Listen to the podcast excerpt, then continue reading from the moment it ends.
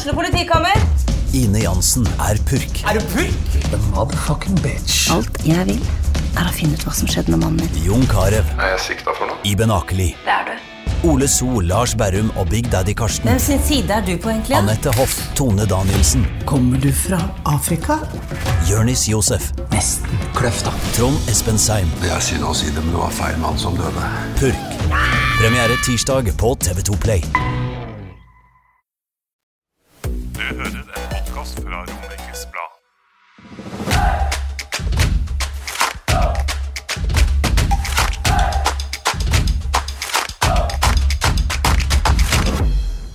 Da er vi tilbake med tullball. Det er Morten Svesengen som eh, prater her. Og nå har jeg med meg Martin Holterhuset. Tilbake fra varme strøk, eh, Martin. Ja, det var eh, ikke feil, det.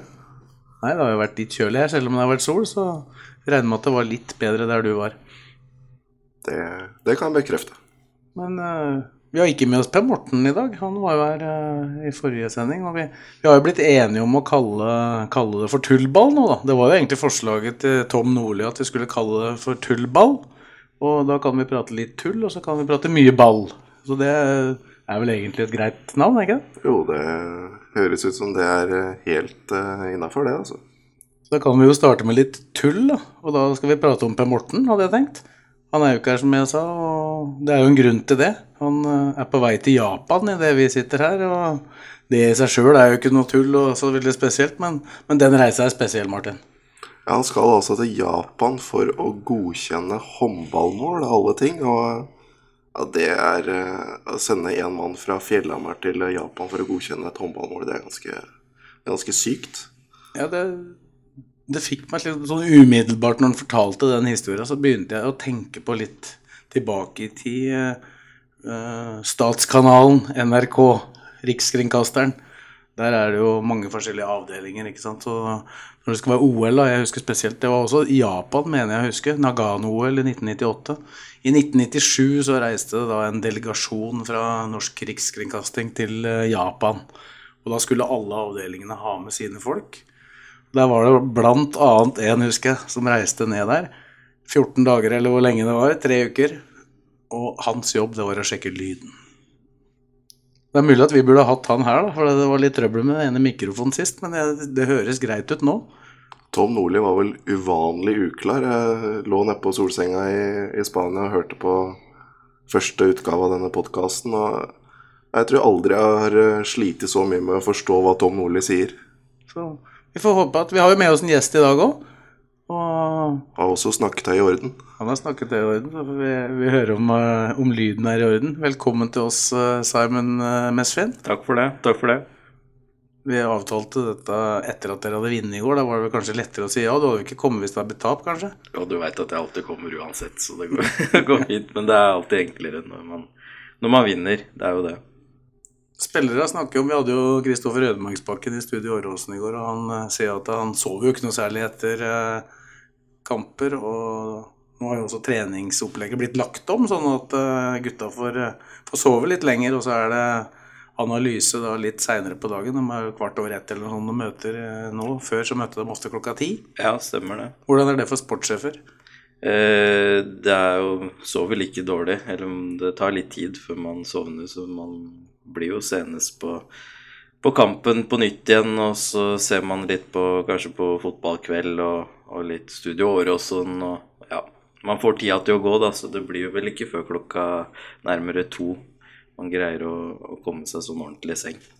Det blir omtrent som det er for eh, journalister som er på, på jobb. Det er noe med det der Når du har vært litt oppe eh, i adrenalin, så, og det er vel dere, og vi, vi er det opp mot vår deadline og Ja. jobbmessig, så, så tar det litt tid å komme ned igjen. Ja, det gjør det. Det bygger seg opp, og det eh, Jeg bruker å si at eh, mandag til fredag så er det jo Har man jo fokus på en god del arbeidsoppgaver som skal gjennomføres, og treningene som man skal observere, osv., osv. Og så og så merker man når søndagen kommer, at den søndagen da da bygger det seg opp veldig. Eh, og så er det ikke noe Det er ikke noe nervøsitet, men det er mer spenning. Eh, og så er det vel når kampen blåses i gang. Eh, da er det vel motsatt for, for trenere og spillere, at da er de så fokusert utpå der at de, de, ikke tenker så mye. Men for oss som sitter på tribunen og har litt ansvar, så, så begynner man å tenke. Eh, og da er det klart at da får man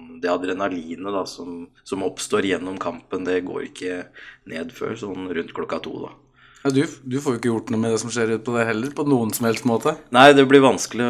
Jørgen Lennartsen har ikke med seg mobiltelefon heller, så jeg får ikke sendt noen SMS-er ned heller. Så nei da. Men eh, det, det, er lite å få gjort. Og så er det sånn at man eh, i enhver organisasjon så må man stole, stole og ha tillit til de som skal gjennomføre jobben, og, og det har de eh, i denne sesongen gjennomført uh, veldig bra til nå, så det, det, er veldig positivt. Men så har jo du en, på en måte en annen jobb som er fram til et overgangsvindu stenger, å få på plass de spillere som dere ønsker. Uh, både spillere du leiter fram sjøl, og som Jørgen Lennartson sikkert, og andre bidrar til. Når du først har signert en spiller, føler du et litt sånn ekstra press på prestasjonene til de, de nysignerte? Det er jo sånn, Jeg bruker å si at uh, jobben på en måte starter veldig mye tidligere, så det er en prosess som er mye lengre enn det som blir synlig utad. For du, du, jobber veldig lenge med, med spillerne som regel, eh, selv om det virker som en kort prosess eh, fra det på en måte kanskje kommer litt i avisene og sånne ting, til det blir signert. Så, så er det en veldig lang prosess i forkant, og så er du faktisk ikke ferdig med prosessen når du har signert den heller. Det, det skal innlemmes, rapporteres inn til spillertropp for NFF, og det skal gjøres en del eh, administrativt arbeid for å gjøre den spilleren spilleklar. Da. Eh, og når du kommer dit, eh, så er det klart at når spilleren er ute på banen, så, så håper man jo at den spilleren kan prestere så fort som mulig, men så vet man at det veldig ofte ikke skjer. Fordi det, dette er jo mennesker. De blir henta fra andre steder, og de skal prestere enten det er fra Norge, et sted i Norge, Tromsø f.eks., med Lene Olsen, eh, til Lillestrøm, eller det er eh, Daniel Pedersen fra Danmark, eller det er Moses fra Nigeria. Så, så er det mennesker som skal eh, bygge relasjoner med de de skal være medspillere med, da. Og det er veldig mye nytt for dem. Eh, selv om det samme er at man selvfølgelig spiller fotball 11 mot 11, så er det veldig mye annet som er annerledes, da. Så du, du tenker, eh, tenker jo av erfaring at det vokser ikke inn i himmelen med en gang, og man er tålmodig, men så vet man jo at omgivelsene forventer og tror og håper at dette skal slå til med en gang, gjerne med en scoring i debutkampen for en spiss, f.eks. Ja, det var jo god treff på det i fjor med Smarason f.eks., som uh, leverte direkte. Daniel Pedersen gjorde det og sånn. Og så har du jo noen nye i år, da. I Salkvist og Gustavsson og Dyer. Er vel de, de tre som på en måte har, uh, har kommet inn nå. Mm. Litt uh, varierende, i hvert fall ut fra våre vurderinger og børser. Da, så er det litt varierende prestasjoner på de tre så langt. Dyer spesielt den som ble diskutert mye, og det, det rant inn litt i på sosiale medier og sånn. Uh, supportere har jo lov til å ha litt kortere lunte, men syns du ja. av og til at de eh, blir litt for raske? Eh, ja, jeg gjør jo det, men, men samtidig så er det, det er privilegiet å være supporter.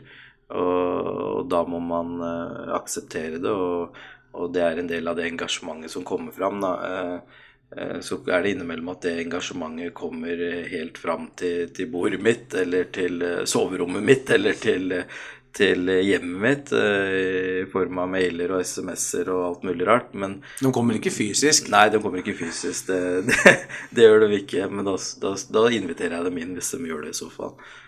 Burde jeg kanskje ikke sagt, men, men Har du tatt opp det med frue?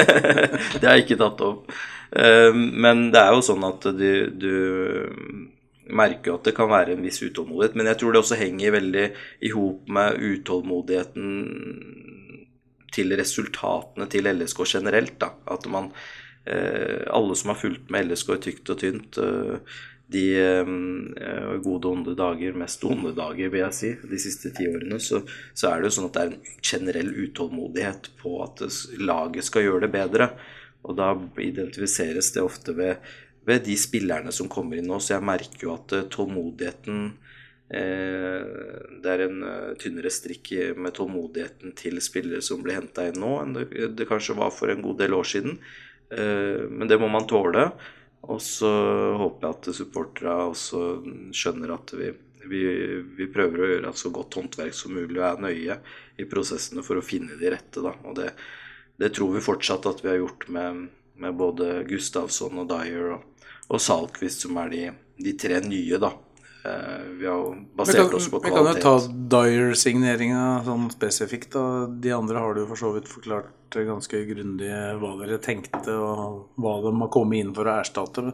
Dyer ble jo henta inn litt seinere. Hva, hva, var tankene der med å få inn, få inn han nå? Nei, det, det, var jo sånn at vi, det, vi vi, tenkte jo kanskje en annen posisjon i utgangspunktet. Altså Grunnleggende inn mot det vinduet så var det at vi skulle heller gå på, på færre spillere med kvali, altså gå på kvalitet kontra kvantitet. da, Eller opp mot kvantitet. Og, og det vil si at vi da setter de pengene vi har på, eh, på, på færre spillere, da. Hvor vi kanskje kunne henta inn fem, kanskje seks også, hvis vi hadde gått på en, eh, en, del lavere hylle. Så går vi heller på tre spillere, og så identifiserte vi posisjonene. Så var det sånn at eh, når dette med, med Matthew dukka opp, øh, og det i utgangspunktet heller ikke løste seg med et, et større salg som, eh, som, gjorde at vi kunne kanskje få frigjort litt midler til å gjøre nye investeringer eh, sentralt i banen, så, så, fant vi ut at, um, at det var mulig å kanskje se på noe, noe lån. lån. Eh, Dyer er jo en spiller som jeg må si Sett opp mot hva man betaler, for det er det man må vurdere opp mot også. Det er litt vanskeligere for supporter og de som følger med å vurdere, for de har jo ikke innholdet i avtalene. Eh, så man vurderer jo ut ifra hva de presterer, selvfølgelig. Men så må man også se opp mot hva, hva, de, hva de, har i lønningsposen.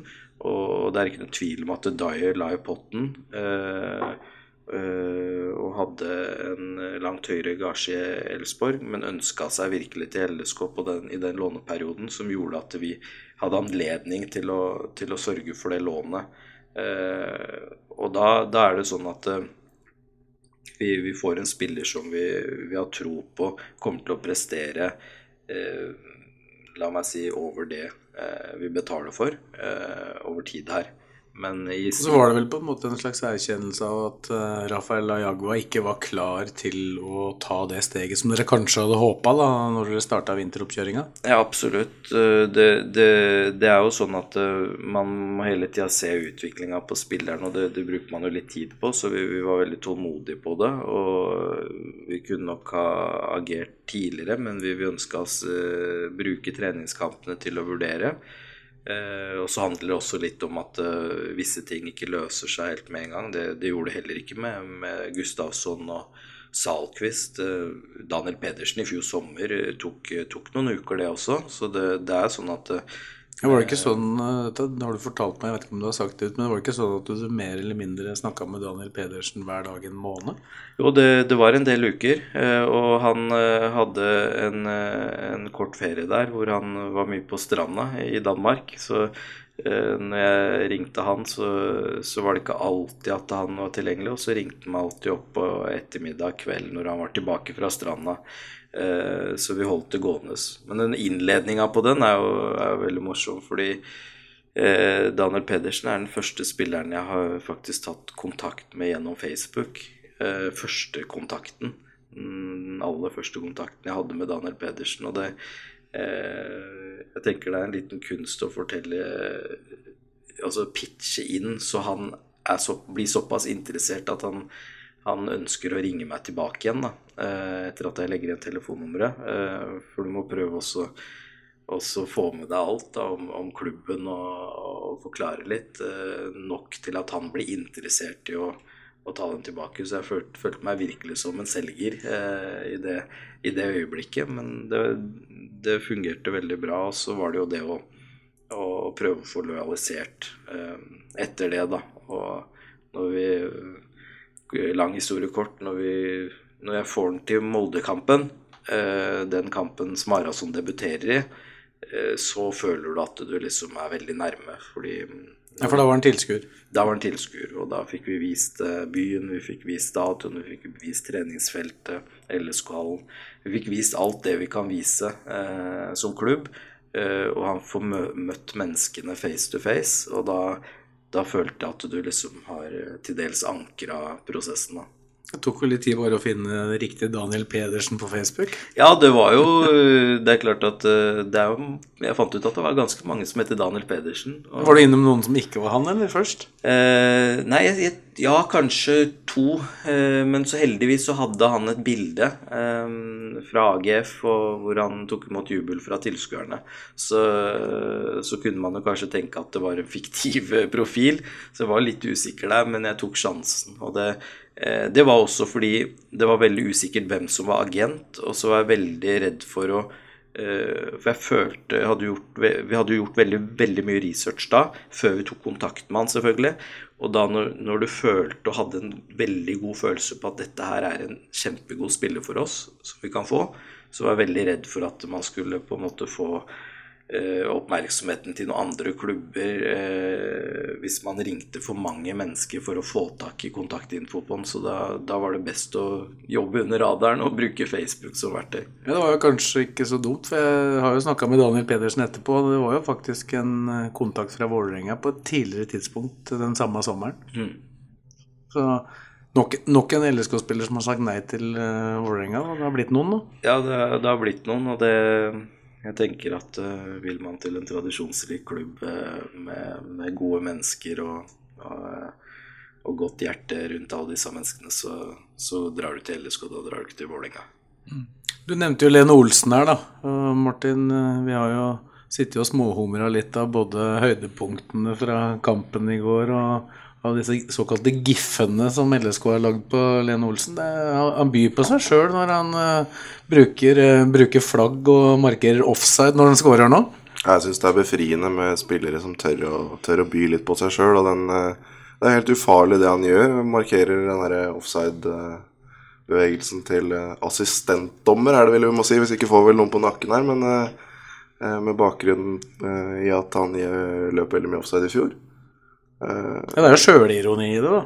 så da syns jeg at det er helt ufarlig. Og det viser også at eh, Thomas Lene Olsen er en, eh, er en fyr med glimt i øyet, og det skal vi sette pris på. Ja, det er, Thomas er fantastisk. Jeg ønsker, ønsker egentlig å benytte muligheten til å slå, slå et slag for Thomas Lene Olsen. For han, han eh, fikk en del tyn i fjor eh, fordi mange mente han var for ineffektiv. Mange mente at han gikk for mye offside. Men eh, det er en spiss som, som sammenlagt gjennom de sesongene siden 2016, vel, hvor han skårte 18, hvis ikke jeg husker, nei, 8 hvis ikke jeg husker feil, og så skårte han, vel en 10-11. Eh, og så har han 12 for oss i fjor, og så er han i god rute i år. Så, så er det ikke mange norske spisser som har skåret så mye sammenlagt de siste åra som han har gjort. Og um, han er en topp, topp spiss i eliteseriestandard. Det er ikke noe tvil om. Uh, og når vi ser hvordan han jobber Jørgen honorerte han veldig i går for at han, han gjorde den defensive jobben. Og den, den, den jobben der, den, har, den gjorde han i store deler av fjoråret også, som ikke er så synlig. Eh, og det gjør innimellom at du har litt høy puls da, når, du, når du skal avslutte også. Eh, og nå ser det ut som han, han greier å kontrollere den pulsen. Eh, for han er veldig kald foran mål på de mulighetene han har fått nå. Det var jo det du tenkte på i fjor, at eh, for all del, eh, Thomas Lene Olsen, ro deg ned når du er foran mål, pust med magen. Ja. Han hadde jo eventyrlig mange sjanser, men nå har han skåra altså på tre av fire sjanser som vi har telt eh, denne sesongen. Ja, den fjerde, det var straffesparket. Ja. Det gikk ikke så bra. Nei. Men fortsetter den utviklinga, så får du litt å gjøre i sommer, da, for da er det jo noen som skal kjøpe den. Jeg har sagt til Lene Olsen at uh, skårer han, uh, sk- han uh, 15 mål pluss i Eliteserien, så vil det alltid være klubber der ute som, uh, ute i Europa som er interessert i å kjøpe uansett uh, alder. Altså, han er, han er under 30 fortsatt, og, og han vil helt sikkert være aktuell for større, større oppgaver. Og, og han har helt sikkert ambisjoner om det, men, men det er som jeg har sagt hele tiden vi, fra vi, vi ønska å hente den eh, fra Tromsø, at eh, nå har vi endelig en spiss som kommer til å gi oss ti pluss mål hver sesong, eh, som vi kan stole på. Og det er ikke å undervurdere, for det er det alle klubber i Norge er ute etter. Å ha en stabil spiss som skårer tosifra antall mål hver eneste sesong. Så, så Thomas Lene Olsen syns jeg har fått altfor mye tyn. Eh, fair enough at han har vært ineffektiv, men han skårer tolv mål i fjor. Eh, Men det var vel- det var vel bare to som skåra mer, da. ja, Nettopp. Og, og hvis vi tenker på, på, en spiss med norsk pass, så er det ikke veldig mange som, som gjør så, så, mye bedre enn han i Eliteserien de siste åra. Så han er en topp, topp spiss uh, i Eliteserien og utrolig viktig for oss. Og ikke minst, som, som du sier også, at han er uh, han har glimt i øyet, og han, han, er en viktig bidragsyter i gruppa. En veldig, veldig fin fyr fra Moelven.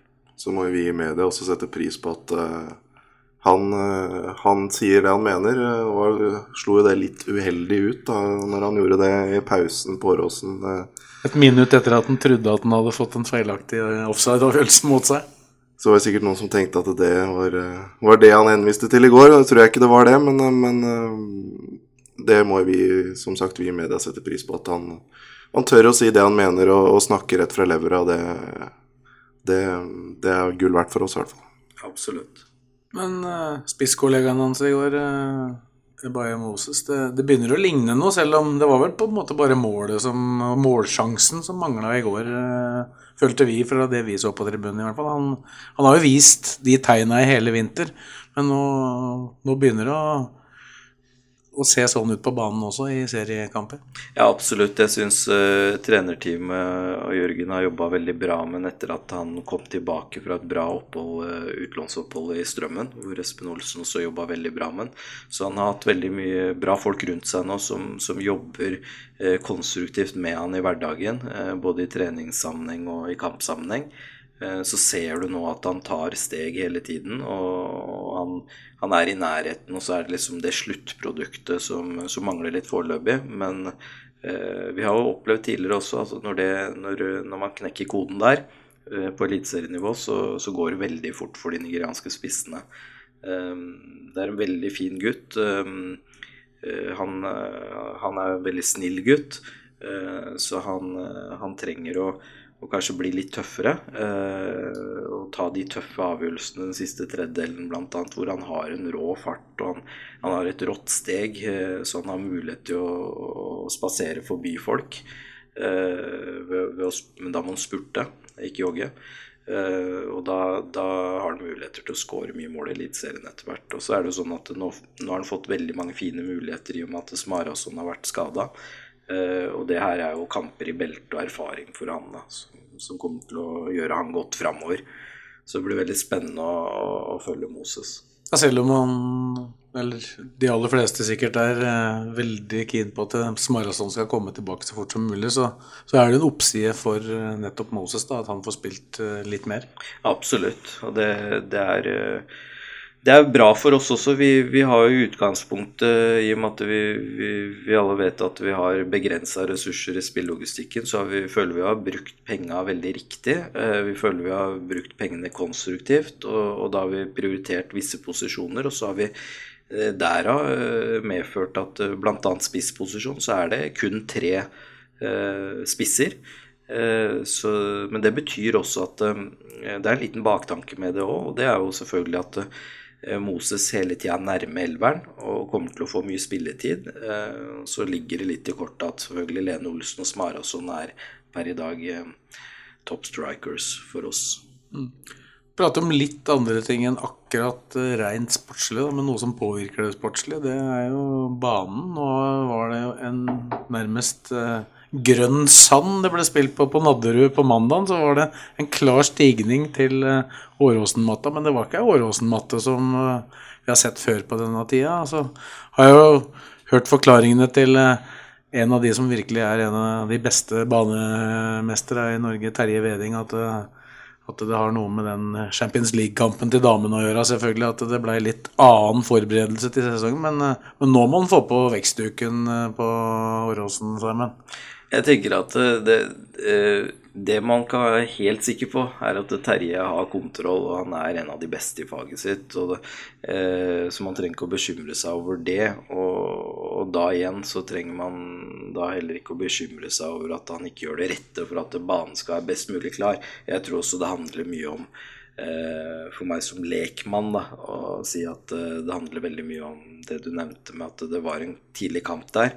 Eh, og da blir forberedelsene litt annerledes. Og så er det jo sånn at eh, laget, altså spillere av våre, da ønsker jo også å trene der dagen før kamp. Og da, da blir det litt, eh, litt med det å, å, legge på duk, som tar ofte en hel arbeidsdag å gjøre, med to, to personer som vi har. Du ikke innkalle folk på dugnad der, da kommer da folk og hjelper til med det? Okay? Ja, men jeg tenker at jeg innkaller ikke folk til dugnad når vi skal drive med spillelogistikk, så jeg tenker at Terje Veding eh, stoler vel aller mest på, eh, på hans assistent og seg sjøl i forhold til å gjøre den jobben mest korrekt, da. Det skjønner jeg veldig godt. for å hente inn en haug med gaudere som skal, skal, legge på duk, det er vel eh, Altså Fruen lar ikke meg legge på duk når vi skal ha bursdagsselskap en gang hjemme på bordet. Men Hvis vi ser bort fra Nadderud, så har jo de andre gressbanene vi har sett, både i Eliteserien og Obos, har jo sett helt fantastisk ut. For det har jo vært bra vær nå.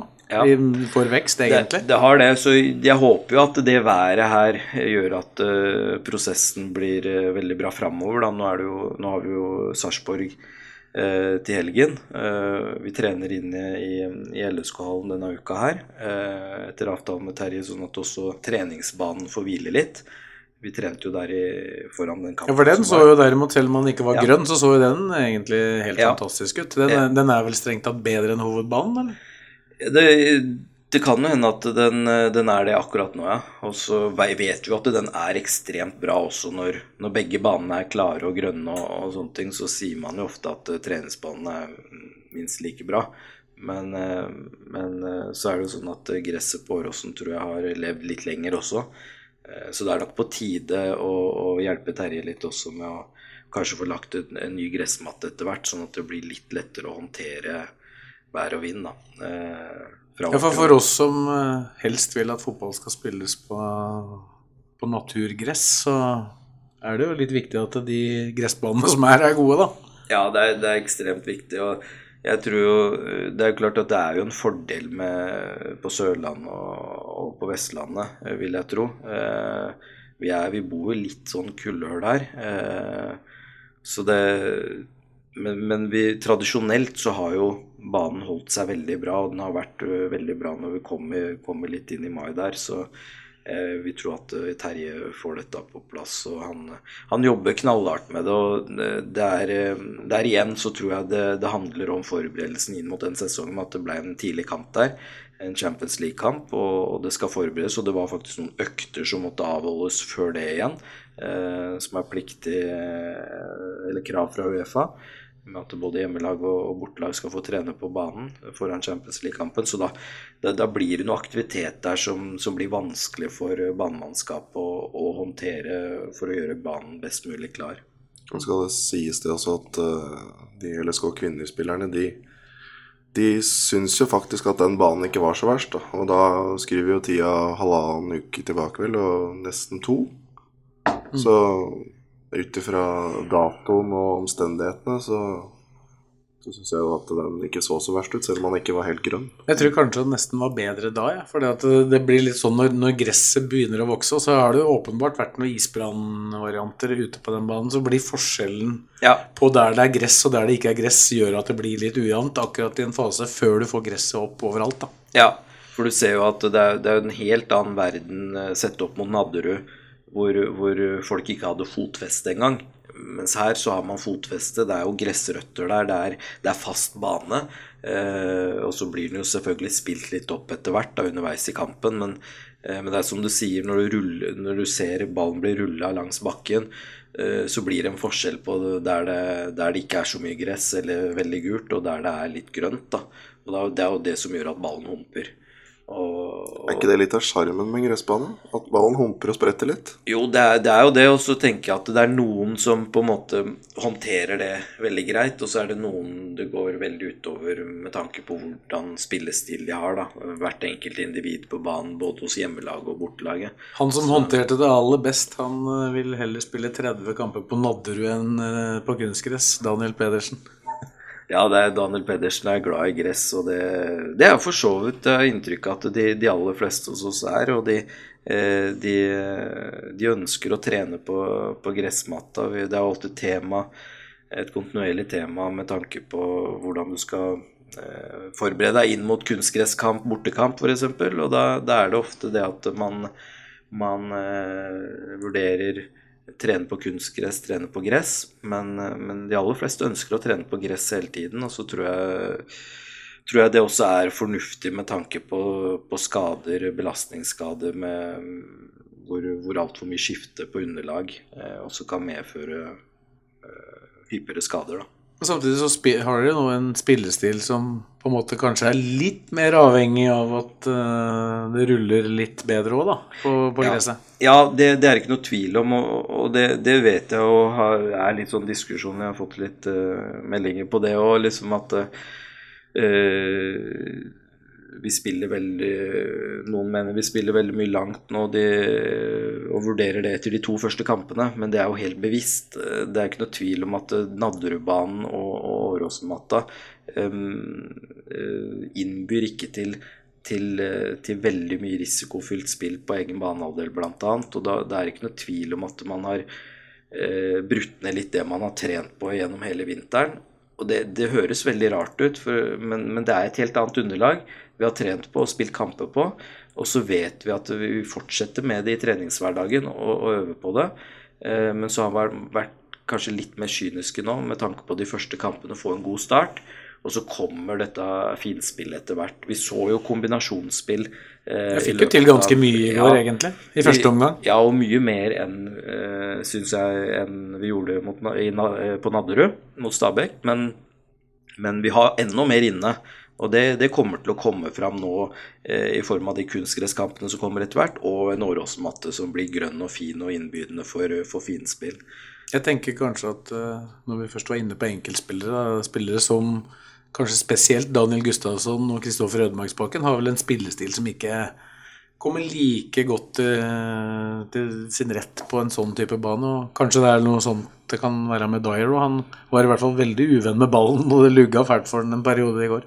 Ja, det, det, det, blir jo litt sånn innledningsvis, og så tror jeg at eh, vi, vi er veldig trygge på at det, eh, de spillere som, som, spiller nå, og de vi har på benken og de vi har i troppen, eh, har, hatt en rivende god utvikling med tanke på eh, pasningsspillet og pasningskvaliteten som har blitt jobba veldig mye med siden i fjor høst, eh, for å få opp nivået på Eh, på alle der. Eh, så har vi en del å jobbe med fortsatt, men vi har kommet veldig godt på vei med tanke på For det handler om trygghet i spillet. Eh, og det handler om kvaliteten i gjennomføringa. Og det, det øver vi på hver dag. Og så tror jeg at vi kommer til å se det framover hos, hos de aller fleste. Og så er det ett en ting som du definitivt sannsynligvis ikke har noe som helst med å gjøre. Men vi har et oppslag i Romerikes Blad i dag som går på køer i kiosker og sånn? Er det noe mer irriterende når du er på kamp og vil ha deg en kaffe og en pølse, Martin, enn å måtte stå i en kø som gjør at du ikke får eh, sett deg annen omgang? Nei, er, altså stå i kø generelt er jo fryktelig kjedelig. Og da må jeg nesten dra en liten historie fra gårsdagens hjemreise fra Tenerife, og feriert en uke. Og da altså, skal vi fly i over fem timer. Og da er det altså mennesker som presterer å stelle seg i kø før uh, innsjekkinga begynner i, i, på vei inn til flyet. Og da tenker jeg Altså, har du så dårlig tid at du tenker at uh, det flyet det går jo ikke før alle er på uansett? Og da velger du altså heller å sitte en, nesten en time på det flyet enn å liksom uh, strekke litt på kroppen. Det, er, det fatter ikke jeg, altså. Men uh, kø... Ald, aldri, aldri, skjønt folk som reiser seg opp med en gang den boardinga kommer, og nærmest slåss om å komme først. Nei, jeg blei ble helt matt da jeg satt i går og så på det der.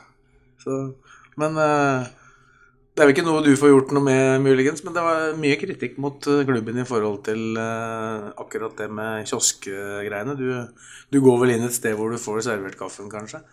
Det gjør vi òg, da, for øvrig. Ja, det, jeg må fikse det sjøl, holdt jeg på å si. Men, men eh, det jeg, jeg, leste Romerike Eller jeg så forsiden i dag, jeg har ikke lest artikkelen. Men, men, jeg har jo skjønt at det har vært litt diskusjoner blant, blant supporterne og folk som besøker Åråsen på at det er noen utfordringer der. Men så tror jeg det er viktig å bare understreke det at det er, det er ungdomsavdelinga som, som, holder kioskene og, og, kiosksalget, og det er en ekstremt god inntekt for dem. Eh, men med det som basis så blir det jo sånn at eh, det er tufta på frivillighet. Og, eh, og, for alle som har unger i, i ungdomsavdelinga, så, så må de voksne stille opp eh, i løpet av eh, noen kamper på Åråsen hver eneste sesong. Og det gjør jo også selvfølgelig noe med effektiviteten. Så tror jeg det handler også om, om eh, systemene og kravene og sånne type ting som gjør at det, dette med pengehåndtering f.eks., eh, hvordan man håndterer pengene og registrerer pengene, har jo blitt uh, Jeg måtte inn på kassa. Det, Ja. Tina Svensson Grønlund fortalte jo litt om dette i den saken, og at det det er noen utfordringer der som gjør at Åråsen kanskje ikke er eh, heller så egna Ja. for å få kø unna som en nybygd stadion ville Ja. vært, muligens. Ja, ja det, er, det er noen utfordringer fasilitetsmessig, det er ikke noe tvil om. Og jeg tror også det er noen utfordringer, f.eks. dette her med å eh, rigge opp flere kiosker, da, så er det noen utfordringer fasilitetsmessig med, med strømforsyning og, og sånne type ting. Da. Eh, Men jeg, jeg har stor forståelse for at eh, folk ikke ønsker å bruke hele pausen, og kanskje mer enn pausen, på å stå i kø. eh, Og at man gir litt opp. Eh, Det, vi, vi lever i et samfunn nå hvor vi er vant til at ting skal gå veldig, veldig fort. Og, og vi, vi blir jo veldig bortskjemt av det. Um, og så er det ikke noe tvil om at Lillesund Sportsklubb ønsker at eh, alle som besøker Åråsen skal få best mulig service og få best mulig muligheter til å handle det de vil. Og eh, om det er popkorn eller kaffe, eller, og, og kaffen skal være varm, og, og pølsen skal være varme, og colaen skal være kald, det, det er Lillesund Sportsklubb veldig opptatt av. Jeg tror at, eh, at det er, eh, er hoder nå som, som prøver også å tenke gjennom hvordan man kan gjøre det enda bedre framover. Det er ikke noe tvil om. Totalopplevelsen med å gå på en fotballkamp er jo veldig viktig, og, og norsk fotball er jo Altså, publikumstallene de raser jo ikke De stiger jo ikke veldig fort, så det er, det er en utfordring på den sida. Da tenker jeg at da må jo også eh, totalopplevelsen til tilskueren være, være god, da. Ja.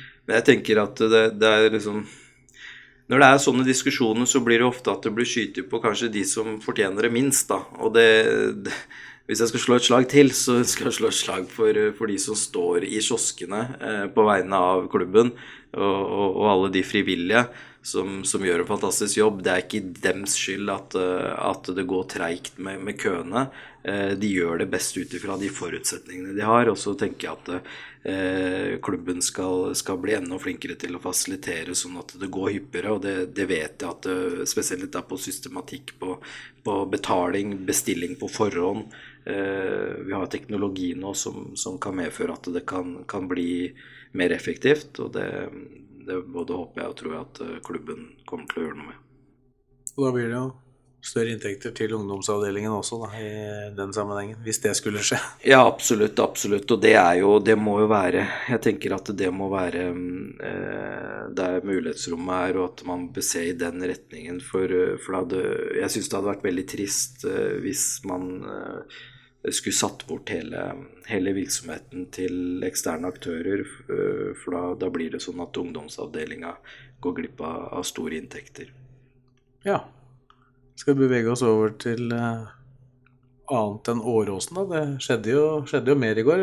Ta de lokale laga først. Uh, Ullkisa, så løsna det etter en litt skuffende åpningskamp, i hvert fall resultatmessig, på, på Strømmen. Strømmen fikk med seg et poeng som kanskje ikke så mange trodde at de skulle få med seg fra Grimstad. Var jo faktisk bedre enn Jerv. Ja, jeg syns det var eh, I hvert fall ut ifra det jeg har sett. Nå har jeg ikke sett hele kampen, men det virka som at Strømmen var klart best og hadde fortjent mer enn det ene poenget. Gjorde det, og fikk utligning til sjøl. Satt veldig langt inne den utligningen. Jeg så store deler av den kampen. Det var, det var en prestasjon som ikke minna om det bunnlaget som på en måte Strømmen er spådd å være. da. Og nå har de jo tatt med seg kanskje to poeng som ingen trodde de skulle, skulle ta. Ja, det det er sterkt poeng eh, bort mot Jerv. Eh, eh, jeg har sett et par, tre, fi, fire kamper i Obos-ligaen til nå. Og det, det virker som det er som vanlig jevnt. Det er tett. Man ser jo det på, på Start, som skal være en, en eh, bankers opprykkskandidat, så, så må de slite for poenga borte mot KFUM. Har kanskje slitt mer internt enn de har litt eksternt. da. Ja, det har jo vært eh, mye for dem på andre fronter nå, og det, det er ikke noe tvil om at det sikkert preger det sportslige også, selv om man ikke ønsker det. Men, eh, men når man ser på romerikslagene, Strømmen med sterkt poeng og, og, og Ullkissa med en sterk, sterk seier mot, mot Sogndal, så, så, så har det vært en bra Romerikshelg, da, på den måten. Og det Da følger vel du ekstra med hva som skjer med Lars Ranger, da. Han kom innpå noen minutter på slutten Ja. i går. kom inn på noen minutter på slutten, så det er fint at han uh, får testa seg på det nivået. Så håper vi at det, det blir mer spilletid etter hvert. Det er jo sånn for både Charles og, i HamKam og, og, og eh, Ranger i, i uh, Ullskisa at det, de, de kommer tett opp mot eh, seriestart, så det, det er ikke forventa at de, de går rett inn på laget med, i en tropp som, som kanskje har samspilt seg gjennom vinteren. Eh, men så får vi se litt utover, og da vil jeg tro at begge kommer til å få bra med spilletid etter hvert her utover sommeren. Jeg ser han kom jo inn i den første kampen der, men øh, han kjemper jo mot uh, sønnen til Gud, da, som han ble kalt på Åråsen, Ståle Solbakken. Ja, han gjør jo det, og så, er det sånn at uh, han skal vel delta i EM etter hvert, og blir borte noen kamper. Og, uh, så jeg tenker så lenge man, man er Ranger er nærme elveren, konkurrerer med en, og, og, og Charles konkurrerer med på to plasser, og det er, det er to foran han der. Eh, så de er veldig nærme elveren, og da, da er de nødt til også Du får ikke lånt ut spillere med garanti på at de skal spille 90 minutter hver kamp. Det, det er noen som kanskje kan si det, men du må fortsatt prestere. Så, så Nei, du- hvis du tar tilfellet med C, da, så kjemper han jo som sagt mot Markus Solbakken, da, som er en ung, lokal gutt. Da skal han jo være klart bedre enn han for å få spille, antagelig.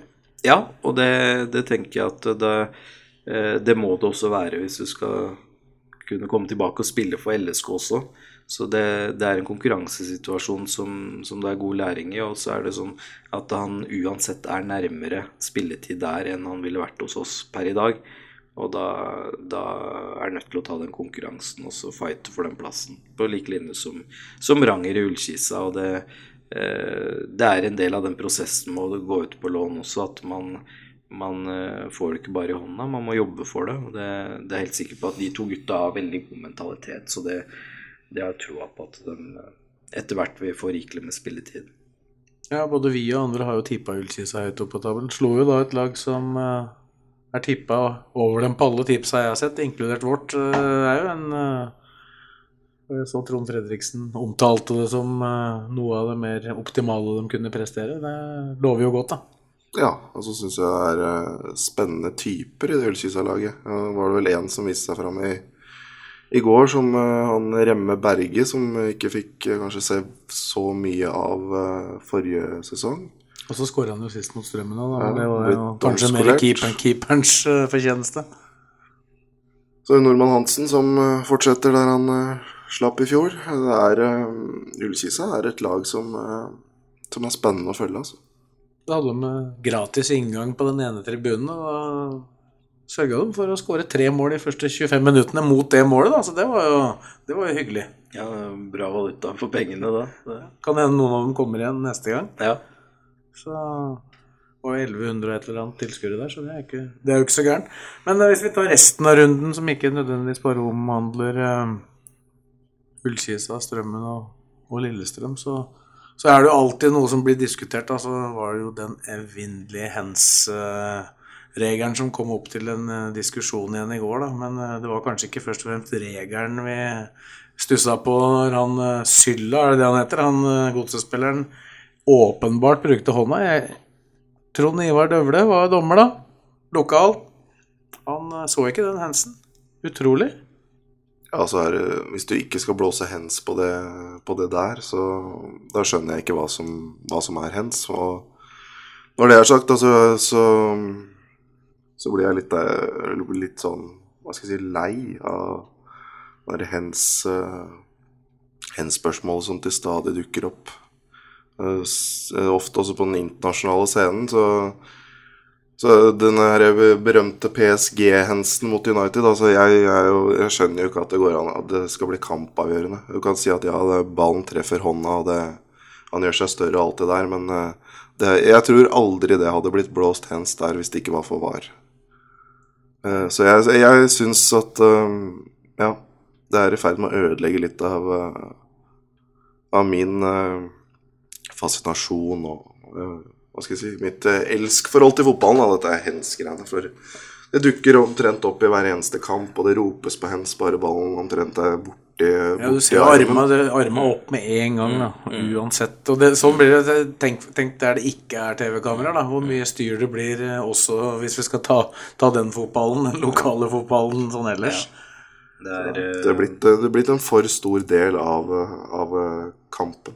Samtidig så er det jo en meget viktig konsekvens av hens, da, hvis det spesielt da foregår inni, inni et felt. Eh, Der kommer det jo en ny regel òg. Ja. Litt usikker på om han blir innført umiddelbart i Norge, men det er vel 1. juni han internasjonalt gjennomføres. Det Ja. vil jo si at det skal altså ikke være en ball i nærheten av en arm i forbindelse med scoring. Mm.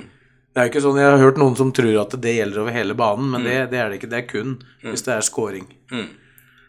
Den, den, den, akkurat den syns jeg egentlig er litt sånn grei å forstå, men det Mm. blir jo veldig avhengig av at det er VAR, da. Ja. Det kommer jo til å bli diskusjoner om dette i alle andre kamper enn der det er et TV-kamera som Ja. du kan se gjennom. Ja. Nei, det hens det er eh, altså, det, Fotballen har jo også blitt hurtigere og hurtigere med åra, og det, det er klart at det er vanskelig Jeg misunner ikke dommerne som må, må håndheve disse reglene, for det, det, det er fortsatt veldig diffust, da. Hva som er hens, og hva som ikke er hens, og hvordan, hvordan man tolker dette her. ikke sant? Og det, det, blir ekstremt vanskelig. Eh, det ser man jo på, på diskusjoner i kjølvannet av hens-episoder også, at eh, folk er jo ikke enig.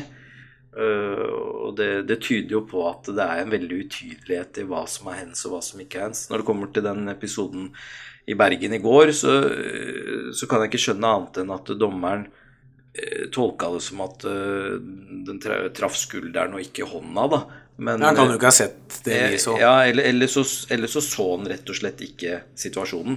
For at hvis man hadde sett den eh, ordentlig sånn som vi så den da, på TV, så, så ser du at det er en og- For å si det sånn, Trond Ivar du får håpe at du ikke så den. For da, da, da, da mener jeg vi er på ville veier. Jeg i utgangspunktet vil være veldig restriktiv med den hens-greiene. Ja. Og mener det er masse tull det blir blåst hens på. Ja.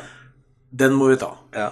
Det er jo det er ofte sånn at den der hensen når det gjelder overarmen, da, den er litt mer diffus enn den som gjelder underarmen, for den er mer synlig, da. Eh, og da kan man kanskje vurdere ok, hva er det en aktiv hånd der? Eh, er den i naturlig stilling og alt det de diskuterer, da. Eh, de kriteriene der. Men når du treffer Det overarmen minst naturlige av alt er i hvert fall å henda på ryggen. Ja, for det har du på skøyter. Ja. Ja, og der mener jeg at vi var, der, vi var på ville veier allerede der, når spillerne begynte å legge armene på ryggen når Ja. det skal, kommer innlegg fra sida. Ja, for at det er i hvert fall ikke naturlig Fins ikke naturlig. Nei, nei, men uh, da vil jeg tro at det er noen som fant ut at og, dette med overarmen blant annet, at hvis du legger den på bak, bak, legger hendene bak ryggen, så har du egentlig bare overarmen synlig. Så hvis den treffer der, så blir det ikke hens, da. Eh, Men, men eh, det, det er så unaturlig, og, hvis du skal hoppe opp, så hopper du opp med arma ut. Det, du hopper jo ikke opp som en, eh, et sylinder. Det, det, det er helt unaturlig. Jeg så jo den situasjonen som dere fikk straffe på, på Steinar Strømnes, den tidligere Strømmen-spilleren som spilte for Stabæk. Ja. Der er det jo spørsmålet om man får en knuff, som er det som er grunnen. Men det ser Ja. jo ut for meg som man har den armen oppe. Ja. Og har du armen oppe når du Ja. hopper eh, i utgangspunktet, så at du ikke tar den opp fordi at du hopper. Han hadde den oppe i utgangspunktet, og da, da Ja. mener jeg det er greit. Ja. Så, men det er eh, Vi kommer antageligvis eh, Det er ikke den siste gangen vi kommer til å diskutere hens. Nei, det er her eller jo. Nei, og så er det jo, vet man jo hvor frustrerende det er å få en, en straffe mot seg og en scoring mot seg hvor, det, hvor, det, hvor man føler at det skulle bli dømt hens, og så er det utrolig frustrerende når man ikke får en straffe. Eh, hvor man føler at det var hens. og eh, Det blir jo veldig mye frustrasjon og veldig mye engasjement. og Én ting er, er den nasjonale fotballen, men vi ser jo det alle med de diskusjonene som er rundt Premier League-kampen, at det er eh, Altså, jeg er glad jeg ikke er dommer i Premier League, da, for å si det sånn. Ja, det var flere som ikke burde vært dommere der, etter mitt syn. For der, der mener, jeg mener faktisk at det er den ligaen hvor nivået er dårligst i forhold til den uh, fotballen som spilles. Der, der gjøres det mye rart. Det er ingen som trenger VAR mer enn Premier League-dommere. Så får vi nå se. Vi, Ja. vi får avslutte en diskusjon. Så var det jo diskusjon om uh, utvisning på, på Vålerenga-spiller Juárez. Meksikaner, er det vel? Ja.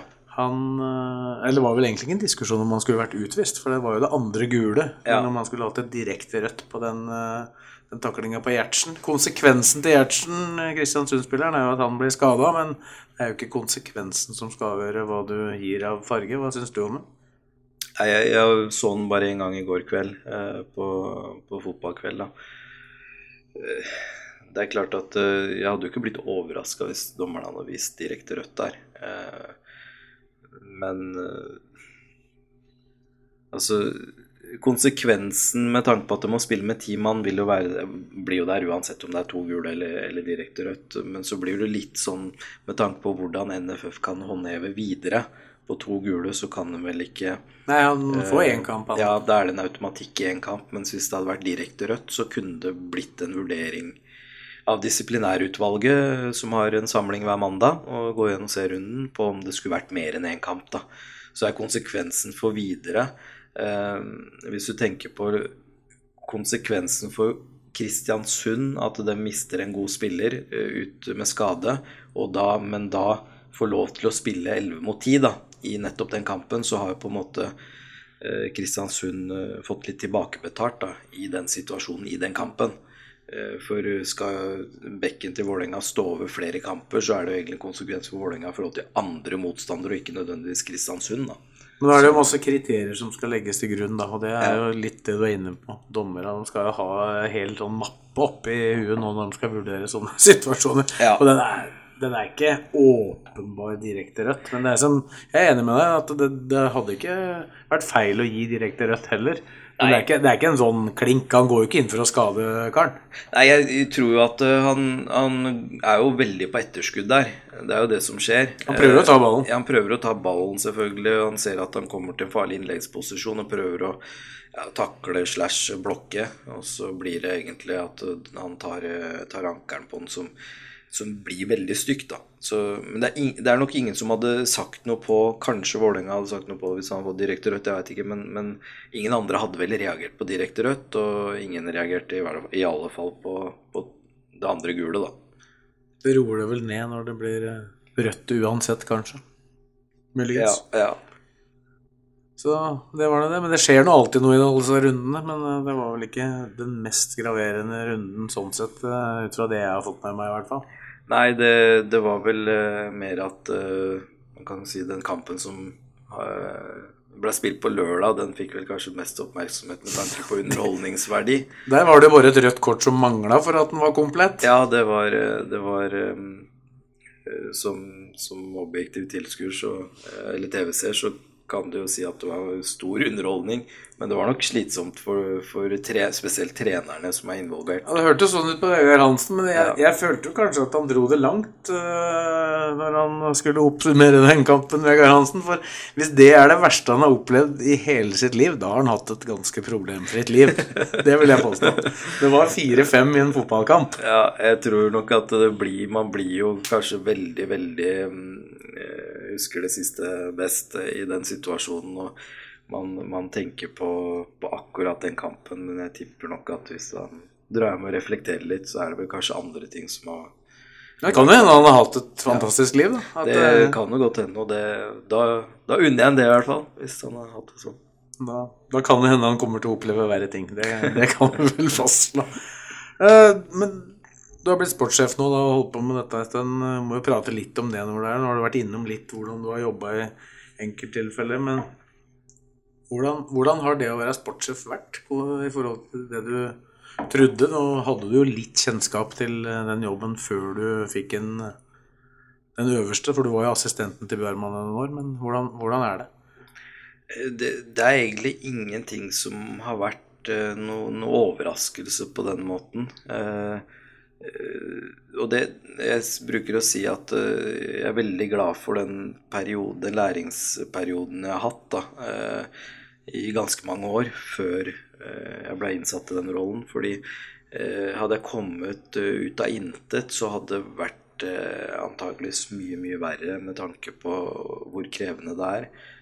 Men, men med tanke på at jeg hadde forberedt meg, eh, hadde vært gjennom studier, eh, fått på plass kompetanse, fått på plass erfaring, fått på plass forståelse, eh, og også fått på plass spesielt den erfaringa på, på tidsbruken og prioritering av hva du bør bruke tida på. For det, er ikke noe tvil om at det som er veldig spesielt, er at sportssjefstillingene i de ulike klubbene er veldig ulike. De er veldig ulike innhold. Der noen kan bruke veldig mye tid på, på scouting og har, har folk på, på, i administrasjonen som gjør unna alt det administrative, til, til sportssjefer som må gjøre alt det administrative på avdelingen selv. Så det er store variasjoner da, i de ulike rollene og hvordan de er på en måte forankra i, i, de ulike organisasjonene. Fra Rosenborg til LSK til, til Sarpsborg til Start til ja, Strømsgods osv. Hvor ofte, du er jo kanskje da mer den administrative utgaven, da, hvis jeg har forstått riktig. Hvor ofte får du telefoner fra andre sportssjefer som trenger hjelp til noe? Eh, nei, det hender jo innimellom, og det, det har det egentlig vært eh, en god del år. Eh, Også før du blei Ja, det, det, har det. Og det, det, er ikke noe problem å, å dele dele kunnskapen og, og, og hjelpe til, men, men samtidig så, så, går ikke det på bekostning av, av, det andre. Men det er en måte også å bygge nettverk på. Eh, bygge tillit i, i, ja, si, i norsk toppfotball, eh, hvor du eh, en eller annen gang kommer til å møte den personen i en forhandlingsprosess om, om den spilleren som den klubben har. Og det er ikke noe tvil om at hvis du har et godt forhold til de til den, det mennesket da, som skal være med å avgjøre om det er mulig å få den spilleren ut av klubben der, så, så er det viktig å ha bygd opp uh, en relasjon da, over tid. Så, så det, det, er jo det øyemed uh, man tenker at man kan få litt tilbake for å ha hjulpet litt til når det, når det blir, blir, ringt inn og, og, ønsker om litt hjelp da, og bistand. Ja, Du gjør jo dette på internasjonalt nivå. da. Martin var i Barcelona, så møttes dere vel der. og Da var jo ikke du der først og fremst for å se på damene, men plutselig så passa det òg? Ja, det passa. Det passa veldig bra. Da, da, var jeg der med, i forbindelse med, med, et nettverk som kalles for Transfer Room. Eh, som, som, dere jo har skrevet om tidligere også, at eh, LSK er en deltaker i det nettverket. og jeg har et uh, nettverk der på ca. 200 klubber ute i Europa. Uh, på alt fra Premier League-nivå til La Liga-nivå og, ned til uh, belgisk nivå, nederlandsk nivå og, og svenske, danske klubber som, som, kan sammenlignes med oss. Så det er et veldig fint nettverk med, med beslutningstagere, sportssjefer, sportsdirektører som Eh, hvor du får bygd nettverk, du får prata om spillekjøp, spillesalg eh, og spillelogistikk, og hvordan de organiserer den sportslige drifta, ikke minst. Eh, man får en del innspill. Og jeg har hatt til sammen nå på to samlinger, en på Emirates Stadium i London før jul, og så en samling nå i Barcelona etter jul. Så, så har vi har jeg fått uh, ca. 30-35 møter med 30-35 ulike klubber. Uh, hvor, du, hvor, du, har fått tilgang på veldig mye fin informasjon og forbygde relasjoner. Da, som, hvor lukka er dette sånn dere klubba imellom? Uh, det, er, det, er, på invitasjon. det nettverket foregår, så du, du, du, blir invitert inn, og da, da er det lukka til, til, de som blir invitert, da, kan du si. Eh, så ønsker jo de som fasiliterer dette nettverket, det, det selskapet Transferroom, som også har et eh, datasystem hvor vi kan drive interaksjon eh, ved siden av de samlingene vi møtes på. da, Hvor vi kan sette opp transferlist, altså spillere som er tilgjengelige hos oss for salg f.eks. Kan vi sette opp i det systemet tilgjengelig for nettverket. da. Vi kan chatte, det er en chatløsning der. Eh, vi kan pitche spillere, dvs. Si at du, du, kan pitche enkeltspillere hvor du sier at den er tilgjengelig for lån, eller den er tilgjengelig for salg. For ja, altså dere kan legge ut? Ja, og det kan man gjøre direkte til enkeltklubbene. Eller så kan man legge det ut offentlig innafor det nettverket. da. Um, spillertroppen oppdaterer du, du, selv med kontraktsinformasjon når kontrakten går ut. Uh, høyde, vekt, alder osv. De gjør basisen der. Men, men, du oppdaterer underveis der hvis det er noen noe endringer. Det blir vel kanskje ikke noen endringer på høyden på spillerne i, i, voksen alder, men det kan bli noen endring på kontraktsituasjonen f.eks. Det, det er dere på en måte pliktig å, å gi det, da? Sånn at dere er veldig åpne med hverandre?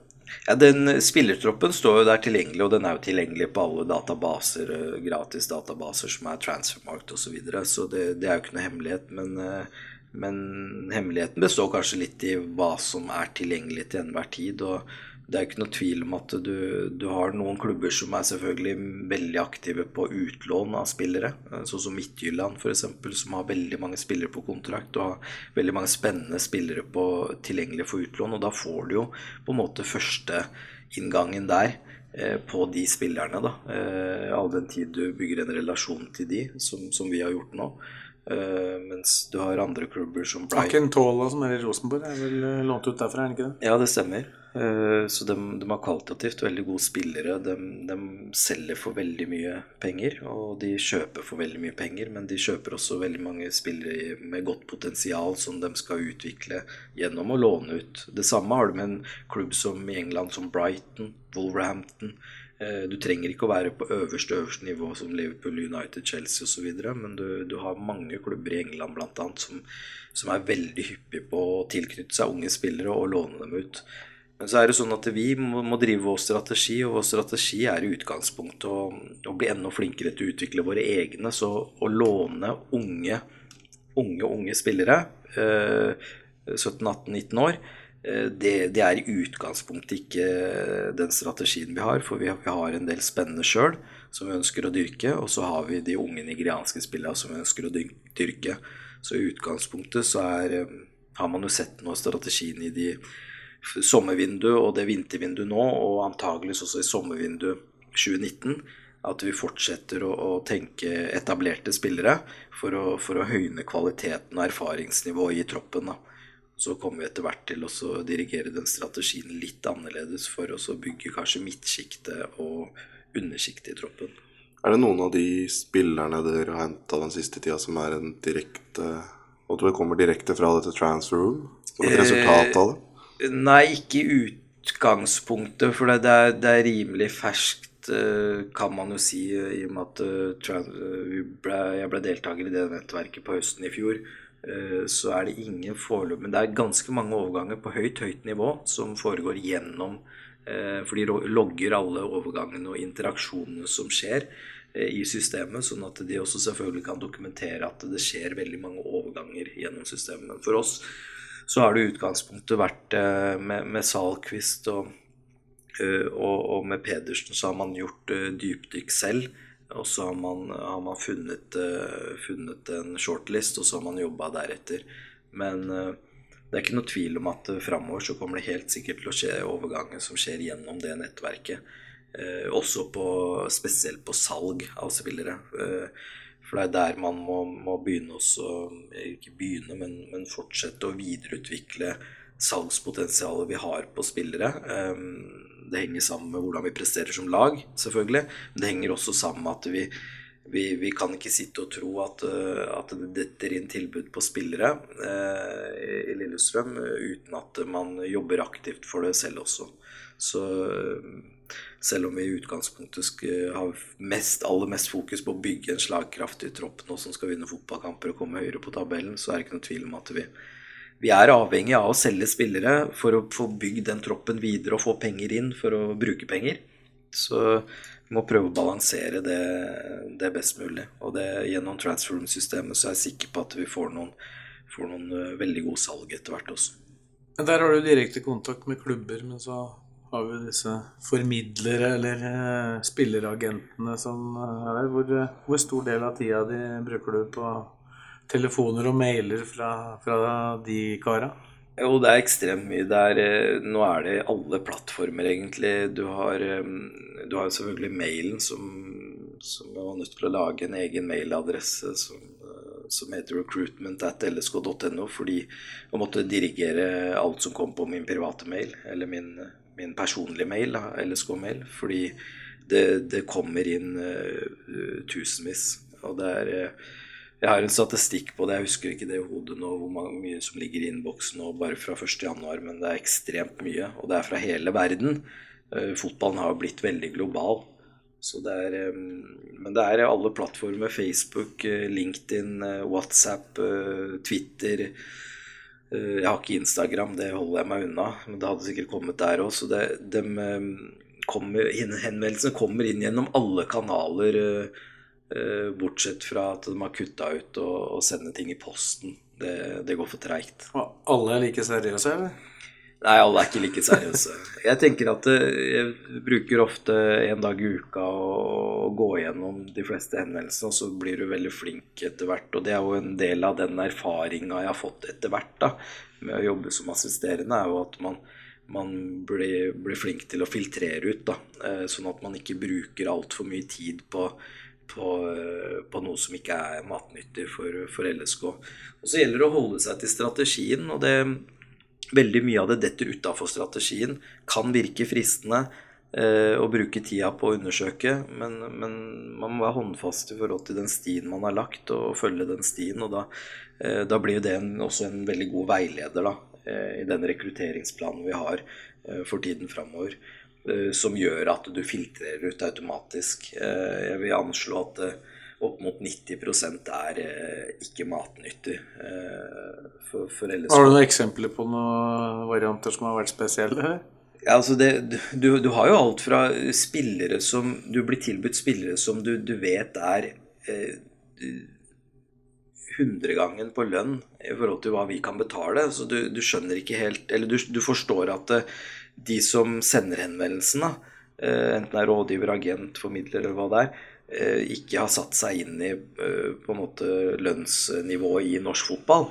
Så Har du noen store navn å komme med der, eller? Altså, jeg husker jo, det, Den gikk jo sin runddans, tror jeg, for en del år tilbake. Men Hernan Crespo ble jo anbefalt inn. Men så var vel HamKam som gikk ut med det sånn offentlig. Du, det, er, det er ikke alltid du I dagens marked da, og med det, det nye formidlerreglementet hvor det er veldig lav terskel på å kunne bli agent, eller såkalt formidler, da, hvor du trenger kun å registrere deg hos Fotballforbundet, så er det sånn at du blir usikker på, når det kommer sånne store navn, om de som sender de navnene, faktisk har kontroll da, i hermetegn på spilleren. Om de har faktisk en agent eller en representasjonsavtale i bånn, eller om de bare kaster ut noe og håper at noen skal bite på, for så å gå tilbake til spilleren og si hei, jeg har en klubb til deg, hør her. Ehm, For det er også en måte å gjøre det på, og det, det merker jeg ofte. Ehm, eh, Vi, vi prøver i stor grad nå å jobbe opp mot de spillere vi ønsker selv, og så tar vi kontakt med agenten ut ifra at det er faktisk den agenten som representerer spilleren. Ehm, Og så er det jo sånn at det, ingen spillere er kan du si, det er ingen spillere som blir funnet eh, av én enkel klubb lenger. Eh, Det var kanskje litt det før, når, du, når internett ikke var utvikla og databaser ikke var utvikla, men nå er det sånn at du vet om de aller, aller fleste spillerne. Og så kan du si at du, du vet mindre om noen, og så vet du mer om andre i form av kvalitetene til dem. Men på navn og hvor de spiller hen, og, og hvor gamle de er og sånne ting, dette vet man, ikke sant. Så det, det er ingen hemmeligheter i fotball lenger. Eh, bortsett fra kanskje en nigerianer som er langt, langt inne i bushen, som ingen vet om i dag, som en eller annen klubb kommer til å finne. Når du tenker europeisk, skandinavisk eh, marked, så har har vi, har vi og helt sikkert de aller, aller fleste norske klubbene eh, god kontroll på, på navnet på dem, men så handler det om at du skal vite mye mer om dem enn selve navnet da, og posisjonen de spiller i. Du skal vite at det er kvaliteten som du trenger å få inn. Eh, men når det kommer til de formidlerne, så, så er det sånn at det blir kasta inn ekstremt mange navn, og så jobber man i stor grad med et nettverk med eh, agenter da, som, som man stoler på, og som man vet har gode øyer og gode vurderingsevner. Og så må man vite til syvende og sist at eh, hvis agenten har representasjonsavtale med den spilleren, så blir jo den agenten også til dels subjektiv i forhold til den spilleren. Men eh, det er jo dens jobb, og vår jobb er jo å vurdere hva er best for LSK. Og der er jo skillet mellom en agent og en klubb, da, i så måte. Har du noen formening om hvor mye penger Jeg har tallene foran meg her, men hvor mye penger dere brukte på formidlere i 2018? Ja, roughly i rett i underkant av 500 000. Eh, og vi lå eh, ganske trolig nesten helt nederst på, på lista i Eliteserien, vil jeg tro. Dere er med 14 og 16 klubber, og Ja, ja. tallet er 470 000. Ja. Så tenker jeg at eh, Du har kontroll på det? Ja, det, det har man kontroll på. Det er eh, det, er det som, eh, som lå i budsjettet. Og, og så kommer det til å antageligvis øke litt inn mot neste rapportering neste år. For i år så, så har vi for, forlenga en del kontrakter på, på etablerte spillere som Arason, Daniel Pedersen og sånne ting, og det koster litt. Men jeg vil anslå at vi, vi er oppe i 900 000 eh, i år. Eh, så vi er fortsatt på et nøkternt nivå, da. Eh, Foreløpig, da. Det er jo et vindu igjen. ja, det er et vindu igjen. Men det er trolig nok så, så blir, kommer vi ikke opp i fire-fem millioner som enkelte klubber der eh, på den lista er i. Man må også snu litt på det at vi, vi har i utgangspunktet ikke hatt noe spillersalg. Et spillersalg vil også kanskje medføre et agenthonorar. Og da blir det liksom andre veien da, at du selger en spiller i Da Det blir en del av en overgangssum. Ja, det blir en del av en overgangssum, og det må også rapporteres. Så noe av de, de honorarene som, som er lagt inn der og registrert der, er, på noen klubber er nok i forbindelse også med, med spillersalg, og da blir jo kanskje summene litt sånn kunstig høye, hvor folk tror at det kun er på ervervelse av spiller og ikke på salg av spiller, da.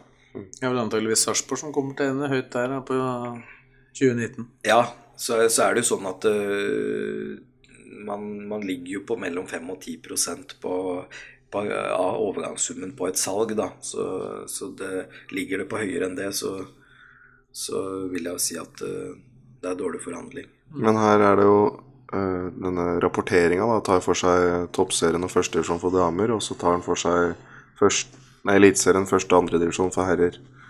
Og den totale summen som ble rapportert inn i 2018, var altså 37 millioner kroner. Som da ble for, betalt til formidlere eller agenter, eller hva, hva vi nå skal kalle det. Hva tenker du om den summen?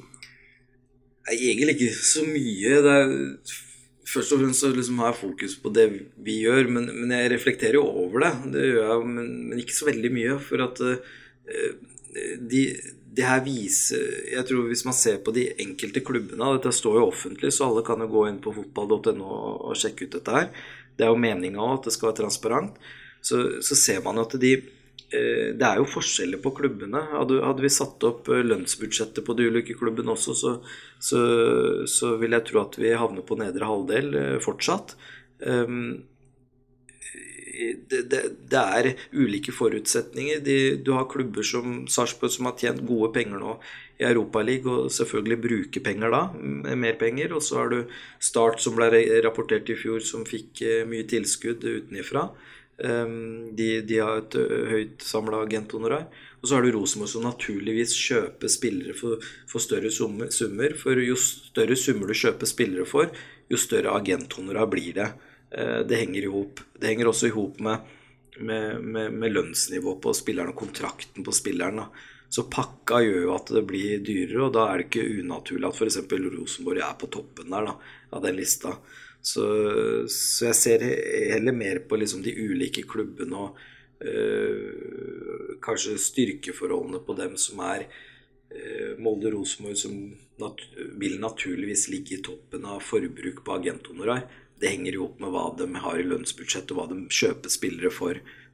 Så kan du si at Start er vel den eneste klubben som, som ligger veldig høyt med tanke på egentlig hvor de lå på tabellen. Men, eh, men det henger i hop med at de har eksterne aktører som har spytta inn penger der, og de har kjøpt og vært veldig aktive. Eh, Vi, inn mot eh, den rapporteringa der, så er vel Daniel Pedersen og Smarason fra sommer, sommerovergangen deres. Vi fikk jo begge to gratis. Vi fikk dem på, på, på et lønnsnivå som var innafor det, det LSK makter å betale. Um, og inn mot den sesongen her, eh, som ikke er rapportert nå, men blir rapportert neste år, så, så har vi ett spillerkjøp på Daniel Gustavsson, men ellers så er Salquist og, og gratis på overgang. Eh, Dyer er på lån, så øh, jeg føler liksom at øh, det viser et bilde også av, av hvor mye vi har fått til på, på relativt lite penger. Da. Eh, og det er ikke sånn at vi kan fortsette sånn i all evighet. For at du, du finner ikke en Daniel Pedersen hele tida for de pengene vi har på Facebook? Nei, Du, du finner jævlig mange Daniel Pedersener. Det gjør du på Facebook, men du finner ikke en som vår Daniel det, hver eneste sesong. eh, For en slikk og ingenting. Det gjør man ikke. Eh, Men, men eh, greier vi å komme oss høyere opp på tabellen, så, så avler det mer inntekter for klubben. Og, og da håper vi at vi også kan øke litt, og da vil vi også se noe økning på agenthonorering også. Sett opp under at vi, vi forhåpentligvis kan øke lønnsbudsjettet og bli enda mer konkurransedyktige, da. Før vi avslutter, så må vi prate litt om eh, Skjetten. Det er lokalfotballstart nå til helga. Det er jo din klubb. Hvor, eh, hvor mye følger du med på det som skjer i Skjetten? Jo, jeg følger, følger mye med på, på de klubbene jeg har spilt for sjøl. Skjetten er jo der jeg er oppvokst og der jeg har spilt mest da, eh, gjennom, gjennom min aktive karriere. Så det var jo veldig spennende og eh, fulgte jo liksom ekstra nøye med i vinter da, når det sto der uten noen spillere og det var, var en del uro. og jeg har mange bekjente som er veldig aktive i og rundt klubben der. Både som, som, eh, som medlemmer med, med unga sine i klubben, og, eh, også folk som har vært ansatt osv. Så, videre. så det, eh, det er, jeg syns det er veldig fint at uh, Bukken kom inn, og at de har fått på plass et bra sett med spillere. Og de, de gjorde det bra nå mot eh, Fuvo, 6-0. Det var jo Det har sett bra ut i kvalikkamper, riktignok mot Ja, fjerdedivisjonsmotstand. Men eh, det abs- lover jo litt bedre enn det det så ut i desember. Ja, det gjør jo det. Så, så de, de er jo videre til første runde, og det, det er alltid artig Nå har jeg vært med på et par cupkamper der eh, gjennom min arbeidskarriere i LSK, så det er jo alltid artig å komme til, til Skjetten-senteret og, eh, og Skjetten kunstgress, men eh, jeg tror jo ikke eh, jeg får besøkt Skjetten i første runde i år. Jeg tror at Skal nok litt, litt lenger vest. ja, det er nok Det går nok litt sånn på rundgang, og vi har jo vel vært hos Skjetten to ganger de siste ti åra. Både i 2012 og i Ja. 2017. Ja, som har vært fantastiske publikumsfester, men, men det er nok noe, kanskje et annet lag som, som får oss hvis, hvis det går etter den rekkefølgen NFF bruker. Gjelleråsen har dere vel aldri møtt, så vidt jeg kan huske i min tid her. Nei, jeg kan ikke huske det heller, så, så eh, Men det, men det er jo en klubb dere samarbeider en del med Gjelleråsen. Har jo en del yngre spillere som har kommet derfra opp gjennom åra, så det er Ja. vel kanskje ikke så dumt å ta turen til Li.